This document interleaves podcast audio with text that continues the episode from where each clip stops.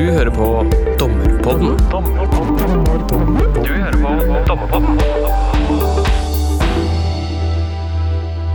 Den såkalte Nav-saken gjelder et spørsmål om norske myndigheter i en årrekke har praktisert EØS-regelverket feil.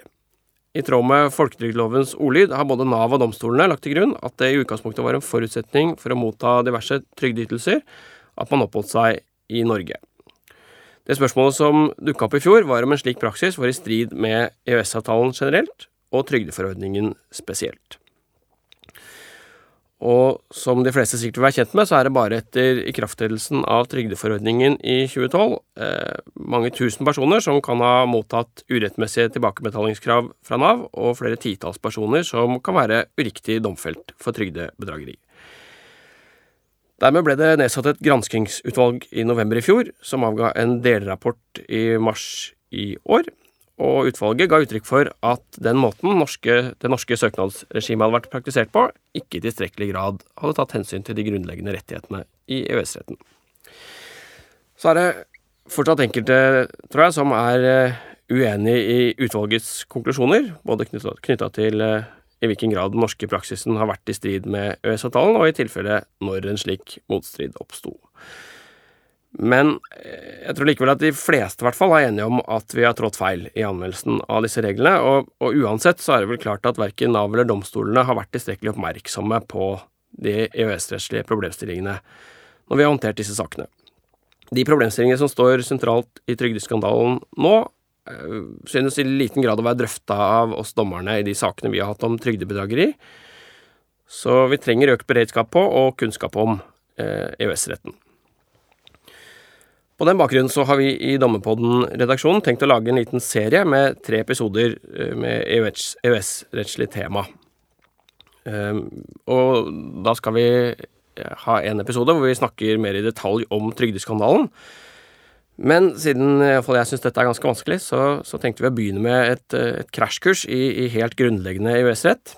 EØS-rett eh, for dummies, som man vil. Og, og, dagens gjest eh, kan mye om det. Eh, Kjetil Bømoen har vært advokat hos regjeringsadvokaten i en årrekke, der han har hatt bl.a. fagansvar for EØS-retten. Og i desember i fjor så ble han utnevnt til ekspedisjonssjef i selveste Lovavdelingen.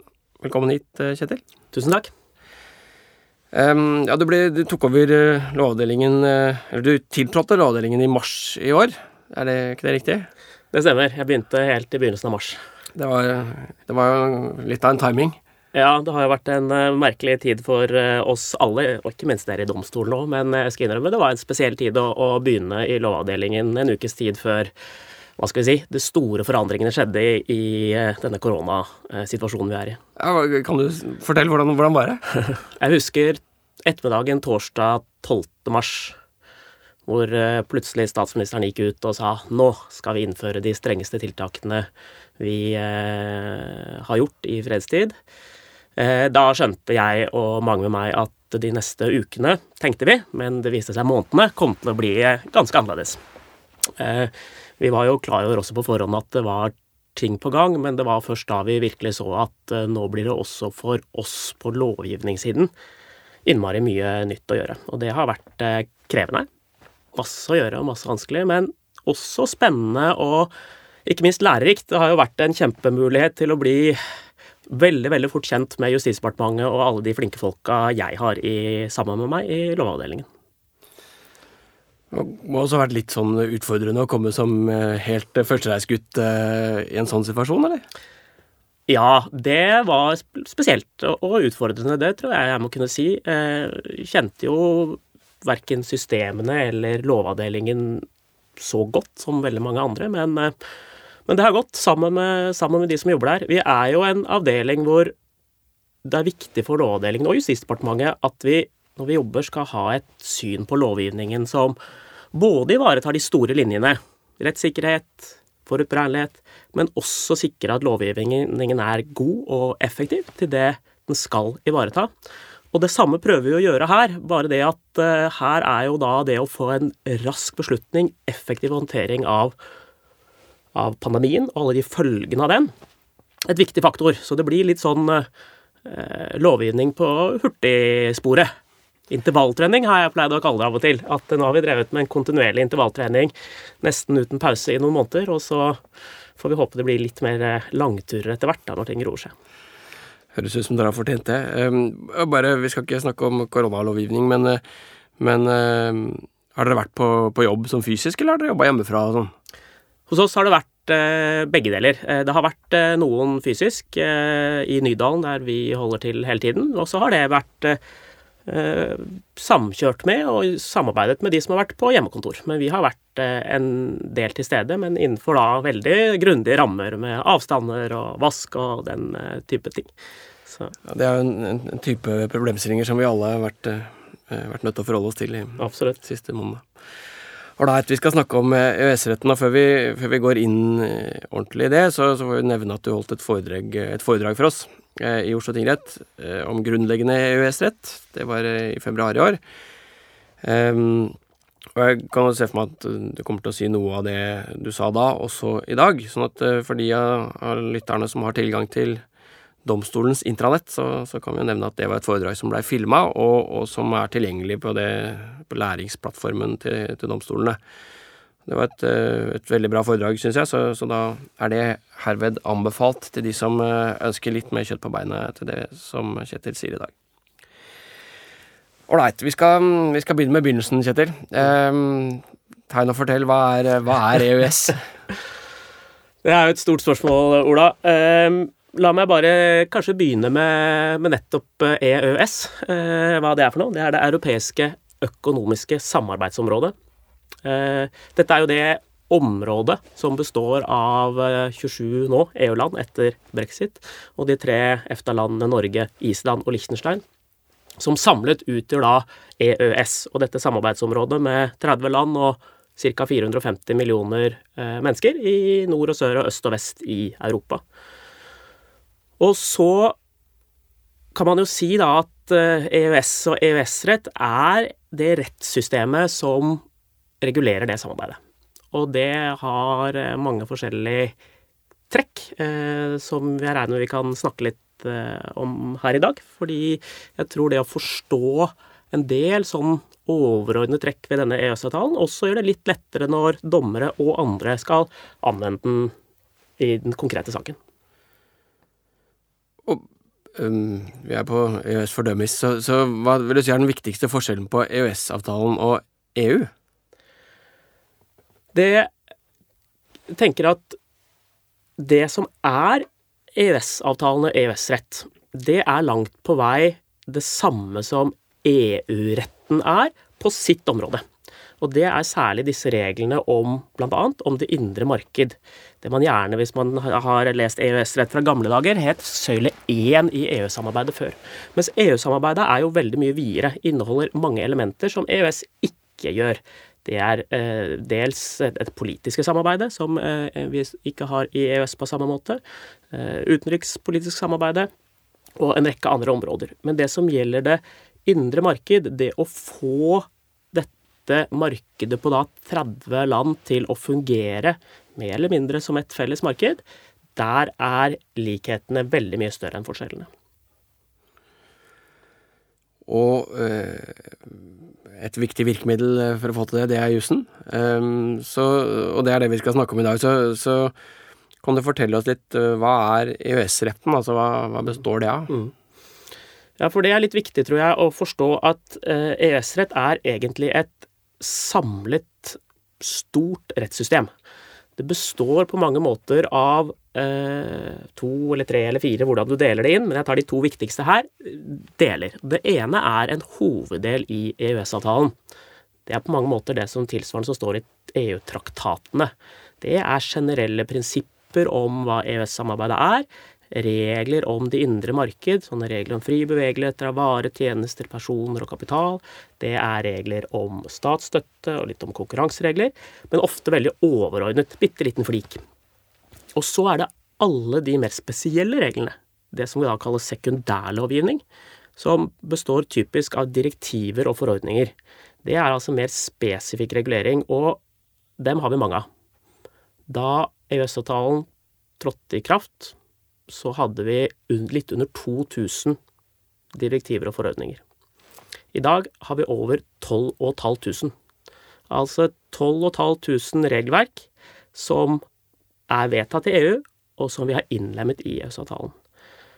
Det tallet jukser litt, fordi eh, i EU er systemet sånn at hvis du skal vedta en endringsregel, endringsdirektiv eller endringsforordning, så blir det ny, et nytt tall. Det blir liksom ikke bare en ny paragraf i bestemmelsen. Men uansett så er det et eh, veldig, veldig høyt tall, eh, og det er alle de hyllemeterne med regler. Dette er EØS-retten. Og det er alt fra det generelt at vi skal, varer skal kunne krysse landegrenser uten hindringer, men med noen unntak, til helt spesifikke veterinærregler eller regler om trafikkontroll eh, osv. Eh, det er gjort en liten opptelling nå, og vi vet at cirka, eller innlemmer ca. 550 nye direktiver og forordninger hvert år i Norge, som de siste årene har vært i snitt ca. 10 000 lovgivningssider. Som da skal oversettes, innlemmes osv. Det er sum av dette som er EØS-rett.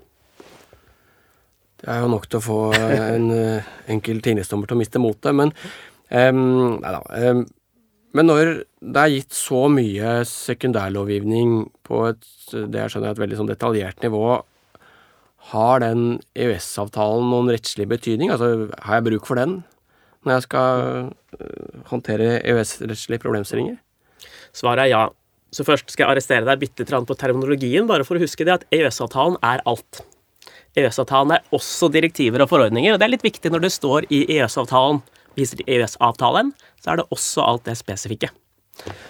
Eh, Hva er det jeg skal si da? Jeg skal si når jeg mener Nei, du, du kan gjerne si EØS-avtalen. Men det er EØS-avtalens hoveddel, kan man si. Men eh, eh, ja, den har noe å si. For det første så er det grunnleggende prinsipper på hvordan samarbeidet fungerer. Annet prinsipper om ikke-diskriminering. Eh, prinsipper om at eh, hvordan man skal eh, tolke reglene eh, om homogenitet. Vi kan kanskje komme litt tilbake til det, men hvordan reglene skal forstås på samme måte i EU og EØS. Og så er det viktige grunnprinsipper for samarbeidet, bl.a. disse eh, fri bevegelighet og indre marked. Og mye av den sekundærlovgivningen er jo med spesifikk regulering på de bestemte områdene. Så ja, ganske ofte er spørsmålet fortsatt om hvordan disse regel, generelle reglene i, i EØS-avtalens hoveddel er eh, å forstå. Jeg har lyst til å legge til én ting, hvis jeg kan gjøre det, Ola. For du spurte hvorfor er det, hva er det for noe, og hvorfor er det viktig? Jeg tenker det er ett trekk til som det er viktig å huske. Og det er at dette er jo folkerett. EØS-avtalen er jo en folkerettslig forpliktelse Norge har inngått, som stadig utvides gjennom nye direktiver og forordninger som tas inn. Eh, vår suverent mest omfattende folkerettslige avtale. Både i hva skal vi si, bredde, den berører nesten alle rettsområder, eh, og i dybde, fordi den er liksom går langt på mange punkter. Men det er også norsk rett. EØS-avtalen er norsk rett fordi vi er forpliktet til å gjennomføre eh, regler i norsk rett, og vi har gjort det. Altså Det er alt vesentlig, det er alltid noen ting som man er forsinket med og sånn. Eh, men det er norsk rett, og gjelder som norsk rett. Og det gjelder til og med forrang foran andre regler. Så det gir jo eh, EØS-retten eh, en annen dimensjon enn mye annen folkerett, som kanskje til viss grad er gjennomført, men kanskje også bare gjelder som folkerett. Så jeg tror det er liksom viktig å ha med seg som bakgrunn, i hvert fall.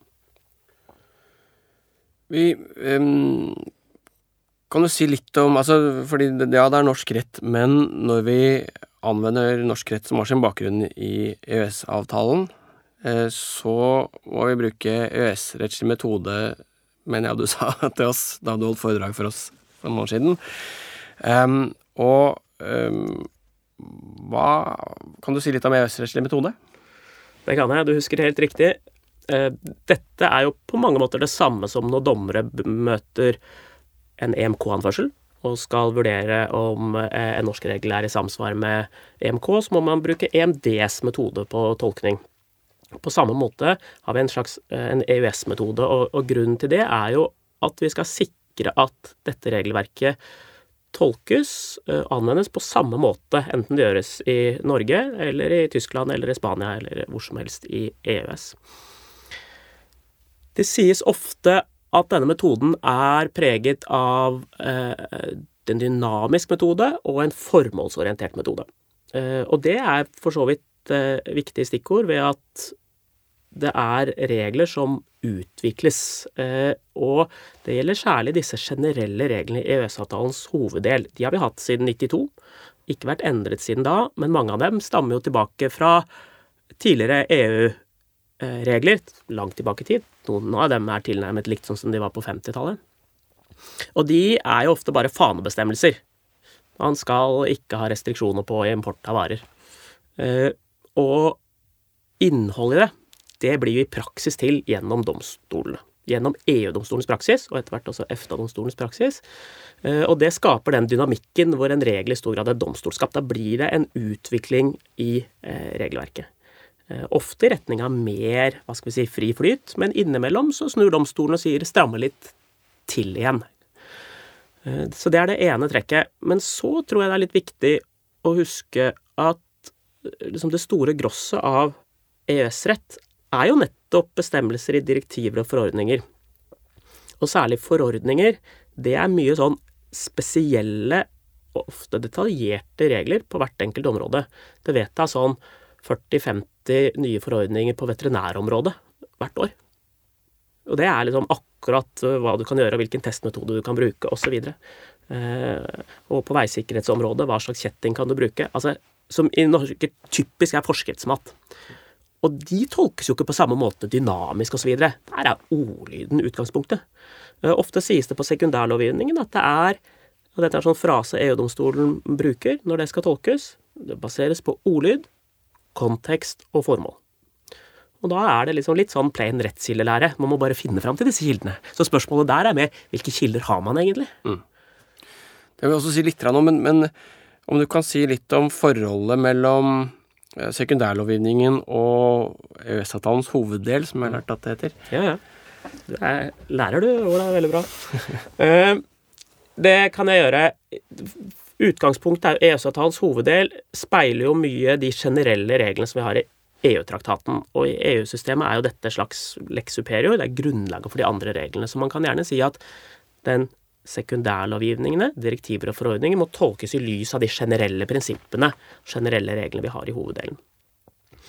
Samtidig er det sånn at øh, i hoveddelen, bl.a. disse reglene om det indre marked, setter ofte noe sånn forbud. Man kan i utgangspunktet ikke ha restriksjoner på fri bevegelighet av varer hvis varer skal krysse landegrenser, eller personer. Eh, men med noen unntak.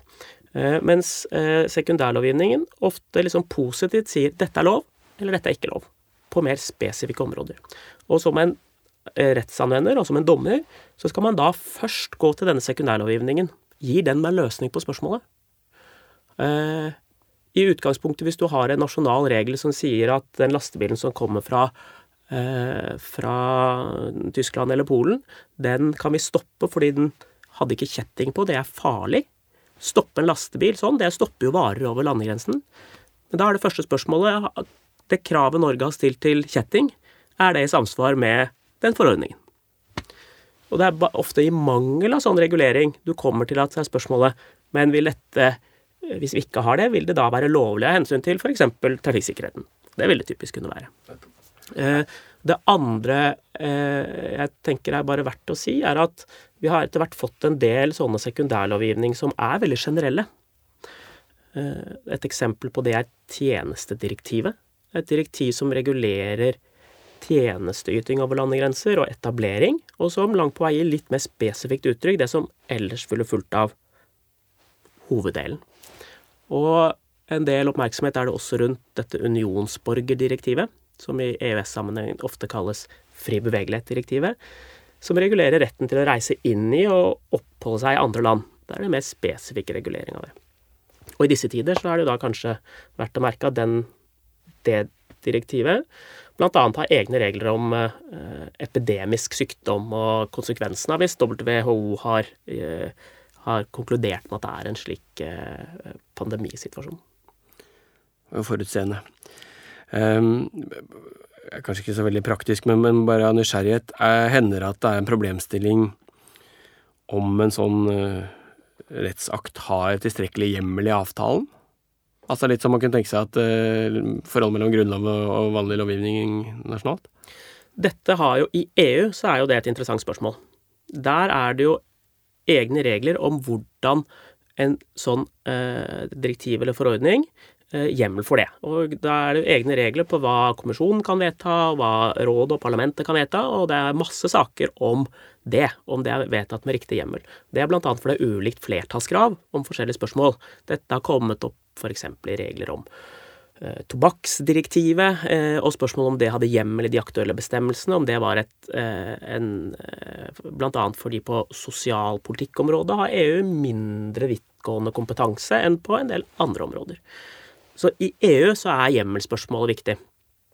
I Norge så vedtas jo dette litt annerledes, fordi først er en direktivforordning vedtatt i EU, så er det spørsmål om vi skal gjøre den til en del av vår folkerettslige forpliktelse. Og det vedtas jo gjennom et vedtak i EØS-komiteen, der kommisjonen sitter på vegne av EU, og de tre EFTA-EØS-landene, Norge, Island, Liechtenstein, og hvor man må vedta dette med enstemmighet. Så det er jo egentlig gyldigheten av det vedtaket som kommer inn. Men vi i Norge kan ikke f.eks. for, for EFTA-domstolen prøve gyldigheten av rettsakten i EU. Det må bare prøves der nede. Så, så spørsmålet liksom, er sekundært. Vi må i Norge følge med på om det er noen i EU-systemet som eh, altså angreper gyldigheten av rettsakten. Men inntil det er gjort, så må den legges til grunn som utgangspunkt eh, gyldig her.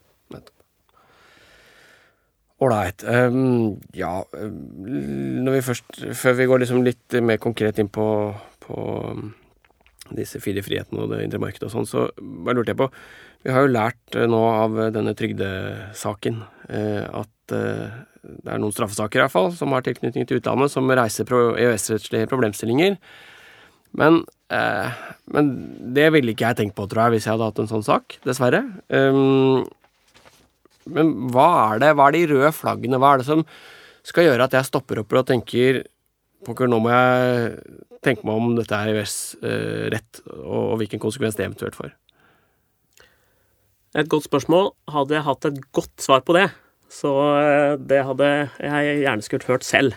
Fordi det er ikke så helt enkelt. Eh, man kan gjerne si at EØS-retten jo nettopp i både stort og smått eh, skal regulere forhold som har betydning over landegrenser. Så, så med en gang det er noe som har, hva skal vi si, en eller annen økonomisk forstand, det heter jo EØS, europeisk økonomisk samarbeidsområde, og har tilknytning til flere stater, så er det nærmest automatisk at EØS-retten kommer inn. Men det kan også gå utover det, fordi eh, ganske mye av det med spesifikke reguleringen, den kan knytte seg til helt spesifikke eh, ting. Vi har forbrukerbeskyttelsesdirektiv som gjelder en person, og hvilket krav bankene kan stille til, eh, til den enkelte kunde, osv., osv. på område etter område. Det er kanskje å Hva skal vi si Hvis man ser på den eh, største utredningen som er gjort på dette området, som er en NOU fra 2012 som het Utenfor innenfor, eh, som er en stor blekka gjennomgang av Norges avtale med EU, så gjøres det en gjennomgang, og der konkluderer de, og det svarer kanskje ikke helt på spørsmålet ditt, det er iallfall ikke godt, av at EØS-retten gjennomsyrer etter hvert det aller meste av norsk lovgivning. Uh, det er noen ting som det kanskje ikke gjøres så mye. Vi kan si at den infrastrukturen vi har knyttet til statsforvaltningsrett, forvaltningsrett, strafferett, kontraktsrett, i nokså stor grad fortsatt er hva skal vi si, egen nasjonal lovgivning, men ikke noe av det er helt uberørt av EØS-retten. Litt kan det komme inn. Men med en gang det kommer inn på noe som da har med enten næringslivet eller personer som eh, Hva skal vi si eh, Deres rettigheter og plikter, så vil det veldig fort kunne dekkes av EØS-avtalen. Så her må en nesten eh, tenke seg at en må prøve å sjekke kildene, se på den aktuelle lov og forskrift. Ofte så vil en fotnote i innledningen være det enkleste første hjelpemiddel, hvor det står at gjennomfører forordning eller direktiv slik og slik, eller forarbeider. Og nå er jo ikke jeg advokat lenger, så nå kan jeg jo si at dere kan jo kjøre advokatene litt. Eh, stille dem spørsmål. Eh, stille spørsmål, men kan dette tenkes å berøre EØS-avtalen? Er det EØS-rett her? Bør vi tenke på EØS-rett? Det bør de kunne greie å bistå med.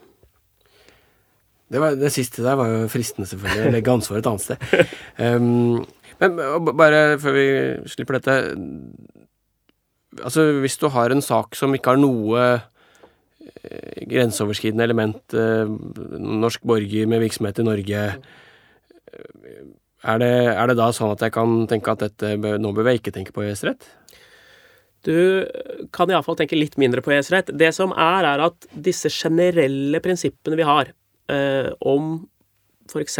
fri bevegelighet av varer og tjenester, personer og kapital, de gjelder ikke det som kalles rent interne forhold. Så hvis det der er alt knytter seg til Norge, så gjelder ikke de. Eh, Men det er ikke så enkelt fordi f.eks. tjenestedirektivet, som gjelder altså ut, eh, den som yter og mottar tjenester, det gjelder også for tjenesteyting i Norge. Rent internt. Sånn at eh, du kan ikke slippe det helt, dessverre. Du er ikke fri for denne EØS-avtalen, enten du vil eller ikke. Ålreit, vi må snakke litt eh, om de materielle reglene også, om enn på et, eh, på overordna nivå. Vi har snakka litt om, om det indre marked og, og disse fire frihetene eh, som er viktige for å ivareta det indre marked. Det er fri flyt av varer, personer, tjenester og kapital. Men så har jeg skjønt at de fire frihetene ikke er absolutte. Så jeg vet ikke om du kan si litt om hvordan man vurderer inngrep i de fire frihetene? Det kan jeg gjøre. Det er et uh, viktig spørsmål, og det er helt riktig at de ikke er absolutte. Uh, for det er ganske mange muligheter statene har til å regulere uh, det de ønsker. Altså Ellers kunne vi ikke hatt vår regulering av nærmest alt rundt omkring i samfunnet, enten det er alkoholreklame eller det er veitrafikken eller, eller hva som helst. Utgangspunktet er at det skal ikke så mye til før det er det som kalles en restriksjon eller hindring, noe som i utgangspunktet er forbudt. I utgangspunktet rammes av reglene om eh, fri bevegelighet av varer, tjenester, personer, kapital. Det vil være i praksis de reguleringene som vanskeliggjør denne hva skal vi si, bevegelsen eh, over landegrensene. Men så er det slik at den type regulering, den kan også rettferdiggjøres. Og spørsmålet du stiller er egentlig hva skal til for at en slik regulering er lovlig? Eh, og innenfor denne EØS-retten vi har snakket om at ting er stort og komplisert og vanskelig, men det er heldigvis sånn at eh, her har vi en innfallsvinkel, et eh, sett av spørsmål vi må stille, som er de samme, enten det gjelder varer, tjenester, personer og kapital, med noen nyanser, som det alltid er, dessverre, eh, men i utgangspunktet er de samme. Eh, Og hvis vi har kommet til at du har en regulering som, som begrenser fri bevegelighet Det er et, eh, en regel som gjør at du ikke får solgt varene dine over landegrensene, eller ikke får ytt dine tjenester. Da er spørsmålet om den kan rettferdiggjøres. Og eh, det er egentlig to eller tre spørsmål, avhengig av hvordan man ser det. Man må først finne ut er regelen begrunnet i noen lovlige hensyn.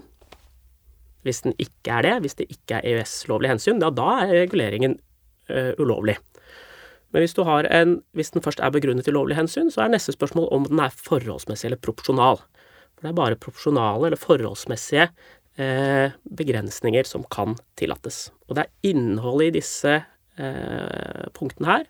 Hva er lovlig hensyn, og hva skal til for at eh, det nasjonale tiltaket er forholdsmessig, som, eh, som blir avgjørende på hvor langt man kan gå i regulere. Dette er jo litt oppmuntrende for meg, fordi, fordi dette ligner jo litt på det vi gjør eh, når vi tolker menneskerettighetskonvensjonen. I hvert fall noen av, eh, bestemmelsene der, som, som kanskje er litt mer kjente for, for oss dommerne, i hvert fall. Er, er, det, er det riktig at det, det er noe, noe lignende som gjøres? Det er riktig at det er noe lignende, eh, for det er også der et eh, for de aller fleste, eller mange EMK-rettigheter, jo en proporsjonalitetstest eller forholdsmessighetstest. Men så er det også noen forskjeller da, i innholdet i disse testene. Det kan jeg kanskje si noe om, for jeg tror det kan være nyttig å, å ha litt nærmere knagger om det. For det første spørsmålet, hvis du har en nasjonal regulering eh, Si at du har en regulering om at du må eh, søke for å oppnå en ytelse. Eh, så er jo det noe som kan begrense retten til å få den ytelsen, sammenlignet ikke ha et søknadssystem. Eller du har en, et forbud mot tobakksreklame, for å ta et helt annet eksempel. Eh, Da er spørsmålet er den begrunnet i lovlig hensyn. Og da, hvis du leser EØS-avtalens hoveddel, så ser du der at da står det stort sett tre hensyn man kan begrunne reguleringer med. Og det er offentlig orden, sikkerhet og folkehelse. Eh, og det er jo fint for så vidt for tobakksreklame som er beskyttet i folkehelse, men, men hva med alt mulig annet? Hva med forbrukerbeskyttelse, miljøbeskyttelse, distriktshensyn osv.? Kan man ikke ivareta det? Og da er det utviklet en praksis hvor de nasjonale reguleringene som forskjellsbehandler direkte på grunnlag av nasjonalitet Det er bare nordmenn som kan søke. Eller fordi den gir en fordel til varer som bare har opprinnelse i Norge. Da har man bare lov til å begrunne med disse få hensynene som står i EØS-avtalen. Men så snakket vi tidligere om at det er en dynamisk utvikling. Ting utvikler seg i praksis. Og EU-domstolen har utviklet en praksis om at hvis reguleringen i utgangspunktet rammes, men ikke direkte forskjellsbehandler Det kan være at den bare indirekte er til fordel for nordmenn, et språkkrav eller lignende, eller, rett og slett bare er noe, eh, hva skal vi si, en ekstra byrde, må fylle ut et skjema for å få en vare inn i landet. Eh, da åpner nærmest Pandoras eske seg. Da kan man ivareta eh, den reguleringen med et sett, annet sett av hensyn. Nettopp forbrukerbeskyttelse, miljøbeskyttelse, distriktshensyn osv.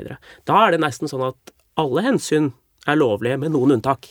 Og det er det som i EØS-språket kalles økonomiske og administrative hensyn.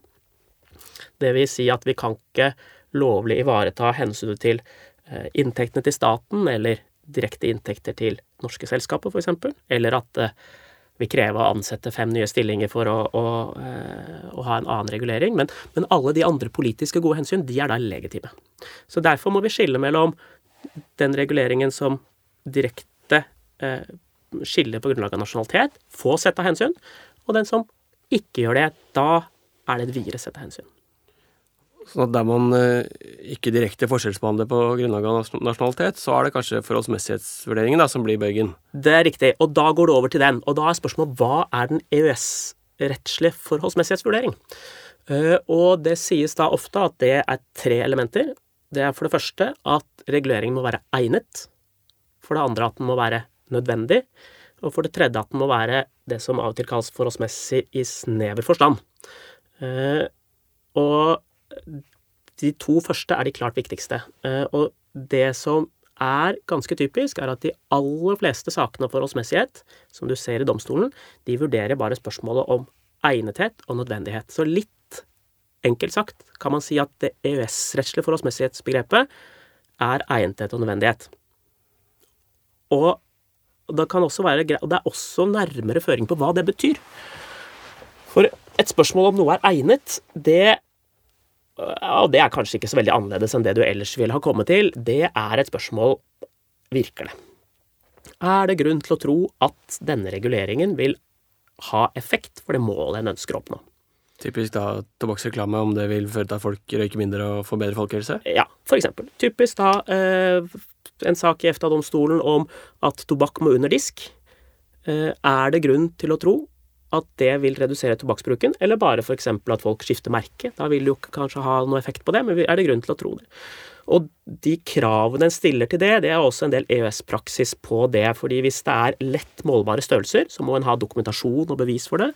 Er det mer sånn samfunnsmessige effekter, sånn som å måle effekt av et tobakksforebyggende tiltak, så holder det at det er rimelig grunn til å tro at det vil kunne ha effekt. Det er egnethet.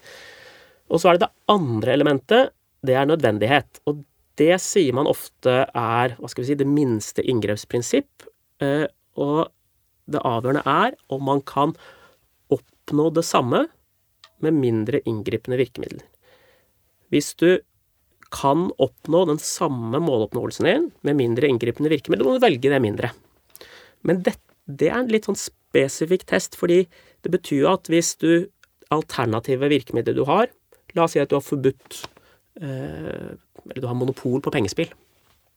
Og så vil man si at ja, ja, men vi vil også kunne ivareta eh, hensyn bak pengespill, utfordringer med spillavhengighet osv., med et lisenssystem. Hvis man vil si at det vil ivareta et stykke på vei, men ikke like bra, så er det eh, nødvendighetsvilkår oppfylt. Altså eh, opp til sånn at det er ikke mer sånn fri forholdsmessighetsvurdering, men det må være eh, spørsmål om du kan oppnå noe like bra. Så er det nok en diskusjon i praksis hvordan du skal tolke den. For noen sier at det avgjørende er om du kan oppnå tiltaket tilstrekkelig bra med andre virkemidler. Men det er iallfall en ganske spesifikk test. Og for domstolene så er det her da viktig at hvor streng en stat ønsker å være. Om vi ønsker å ha høyt nivå for beskyttelse av enten det er miljø eller spilleavhengighet osv., det er i utgangspunktet opp til den enkelte stat. Så hvis staten kan vise at de har streng og konsekvent politikk, så vil det respekteres. Det betyr f.eks. at det at italienerne har lavere nivå for sin pengespillbeskyttelse, ikke betyr at vi i Norge må ha det. Da kan du velge det. Men innenfor det systemet som er valgt, innenfor det nivået man har valgt, så går domstolene inn og prøver. Men kunne dette vært oppnådd med mindre inngripende virkemidler? Eh, Norge har valgt et eh, rimelig strengt beskyttelse for, la oss si, tobakksreklame. Kunne vi da ha gjort noe annet som ikke ville vært så eh, ødeleggende for merkekonkurransen f.eks., enn å ha det under disk? Da sa domstolen at nei, det ville ikke oppnådd samme effekt hvis vi valgte et annet virkemiddel. Så egnethet og nødvendighet. Det som av og til i tillegg sies, er at selv om dette her er virker, det er grunn til å tro det virker, og vi oppnår ikke akkurat like bra med andre virkemidler, så er det så strengt at det vil være forholdsmessighet i snever forstand. Det er en mer sånn fri balanse som minner litt mer om EMK, tilbake til ditt fair trial. Eh, nei, unnskyld, ikke fair child, men at det er en eh, Nå står det helt stille her. Hjelp meg, det som var på EMK om eh, den eh, forholdsmessigheten på EMK-siden som skal, skal, være en fair balance mellom de forskjellige interessene. Fair balance. Og det er en friere avveining. Og oftest så kommer du ikke dit på EØS-retten, for du stopper etter hvis dette er egnet og nødvendig, men av og til går du videre og sier det var så strengt at det er uforholdsmessig i en sånn snever forstand. Da, det ligner jo på en sensur av statenes beskyttelsesnivå, da. Altså hvilket beskyttelsesnivå politiske ledelsen har valgt å legge seg på? Det er helt riktig. Og, og der er det nok sånn at domstolen, et stykke, EU-domstolen EFTA-domstolen, et stykke på vei gjør det, og så er de litt forskjellige virkemidler. Noen få ganger så sier de direkte at dette er for strengt, og da sensurerer du beskyttelsesnivået. Andre ganger så er det kanskje litt mer sånn fiktivt. De sier at dette er ikke nødvendig, for du kan oppnå det samme med mindre inngripende virkemidler, og så kan man diskutere om det er realistisk eller ikke. Så det er nok litt sånn, men, men utgangspunktene er på en måte at uh, bestemmer statene, men man må gjøre det på den minst inngripende måten for å nå det beskyttelsesnivået. Nettopp. Um, og, og, det er vel i, i, denne diskusjonen vi er i nå, hvor, hvor dette med handlingsrom kommer inn, da, det, det, nevnte du vel så vidt kanskje også. Uh, men kan du si bare litt, i den grad du kan det som sjef i Lovavdelingen, men, men dette handlingsromsbegrepet, hva, hva, mener man med det, og hvordan passer det inn her? Ja, Det er et interessant spørsmål. Dette Uttrykket handlingsrom er eh, brukt en god del, og av og til syns jeg kanskje misbrukt eh, litt. Eh, som vi har hørt i dag, eh, så er jo stiller jo EØS-retten ganske mange krav til norske myndigheter. Men det er fortsatt sånn at det er mulig å eh, ha ulik politikk innenfor rammene av EØS-retten. Så når man fra myndighetenes side bl.a. har sagt at man eh, vil utnytte et handlingsrom som EØS-retten gir, så er jo det at man ønsker å utføre og kunne gjennomføre sin ønskede politikk. At Stortinget kan gjennomføre sin ønskede politikk, vil det oftest være, innenfor det som er en lojal etterlevelse av EØS-avtalen. Og det må være helt legitimt. Det gjør alle stater. Eh, man har et valg, og det valget må man jo kunne bruke. Hvis ikke så driver man ikke politikk lenger, nesten. Noe annet er at det ofte kan være vanskelig å vite akkurat hva grensene er på lovlige og ulovlige virkemidler. Det er jo derfor statene havner i domstolene av og til, enten det er i norske domstoler eller det er i EFTA-domstolen, EU-domstolen. Og det som har vært litt en debatt, er om eh, hva som er hva skal vi si, legitim utnyttelse av handlingsrommet. Hvor langt kan en gå? Og jeg skal være litt forsiktig med å gå for langt inn i den debatten nå, men um, jeg syns det er ganske påfallende at det kan være vanskelig, iallfall syns jeg det, eh, å vurdere på forhånd om et tiltak holder seg innenfor eller ikke innenfor de grensene for det lovlige. Eh, og, og tenke for min del at det må være legitimt å teste ut de grensene eh, for domstolene f.eks. innimellom. selv om man ikke er sikker på at man har rett. Og så skal man være lojal eh, og holde seg innenfor EØS-avtalen, eh, men innimellom så eh, må en teste det. Og sett fra min tidligere karriere hos regjeringsadvokaten, så ser vi at noen ganger så lykkes man med det. Så oppnår man de resultatene en ønsker, enten det er f.eks. norsk pengespillpolitikk som har vært for EFTA-domstolen, eller tobakksreklame, eller, eller, nå i senhøstes regulering av fedrepermisjon, som det var mye debatt om. Saker som ESA, EFTAs overvåkningsorgan, har ment ikke var lovlig. Mens andre ganger går man på tap, så det suser, og da har man bommet. Og det skjer også en god del ganger. Så, så det er vel det som egentlig bør være diskusjonen, ikke at man utnytter handlingsrommet, eh, men hvor langt det skal gå i å teste ut grensene. Ikke utnytte, men utforske handlingsrommet, er det sånn?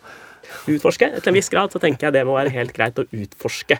Og så må det gjøres eh, lojalt, og selvfølgelig hvis domstolene kommer til at ting ikke er lov, så vil det være illojalt ikke å følge det, som ellers. Så ja. Veldig bra, Kjetil. Jeg, um, tida flyr, jeg, så jeg lurer på om vi må, må, gi oss uh, her, hvis ikke det er noe viktig, grunnleggende EØS-rett vi, vi, har glemt. Nei, nå har vi hatt all grunnleggende viktig EØS-rett, så oh, Godt å være ferdig med det. Um, Ålreit, dette er et stort tema, uh, men du har gitt oss noen knagger og noen utgangspunkter, Kjetil, og det, det er uh, jeg og, og vi tror er veldig takknemlige for. Så takk for at du hjalp oss med dette. Bare hyggelig. Så får du ha lykke til med, med det viktige arbeidet dere gjør i Lovavdelinga. og Håper at dere får noen sånne langdistanseløp nå framover. takk, og takk det samme. Mitt navn er eh, Ola Berg Lande, som sammen med Ragnar Lindefjell og Runa Nordahl Hareid utgjør redaksjonen i Dommepodden. Vi høres. Du har hørt på Dommepodden. Dommepodden er en podkast fra Norges domstoler, og er først og fremst ment som et kompetansetiltak for dommere. Hvis du har ris, ros, forslag til temaer eller folk vi kan prate med, så er vi glad for å høre fra deg, og da kan vi nås på podkast at domstol.no. Ha en god dømmende hverdag så lenge. Vi høres.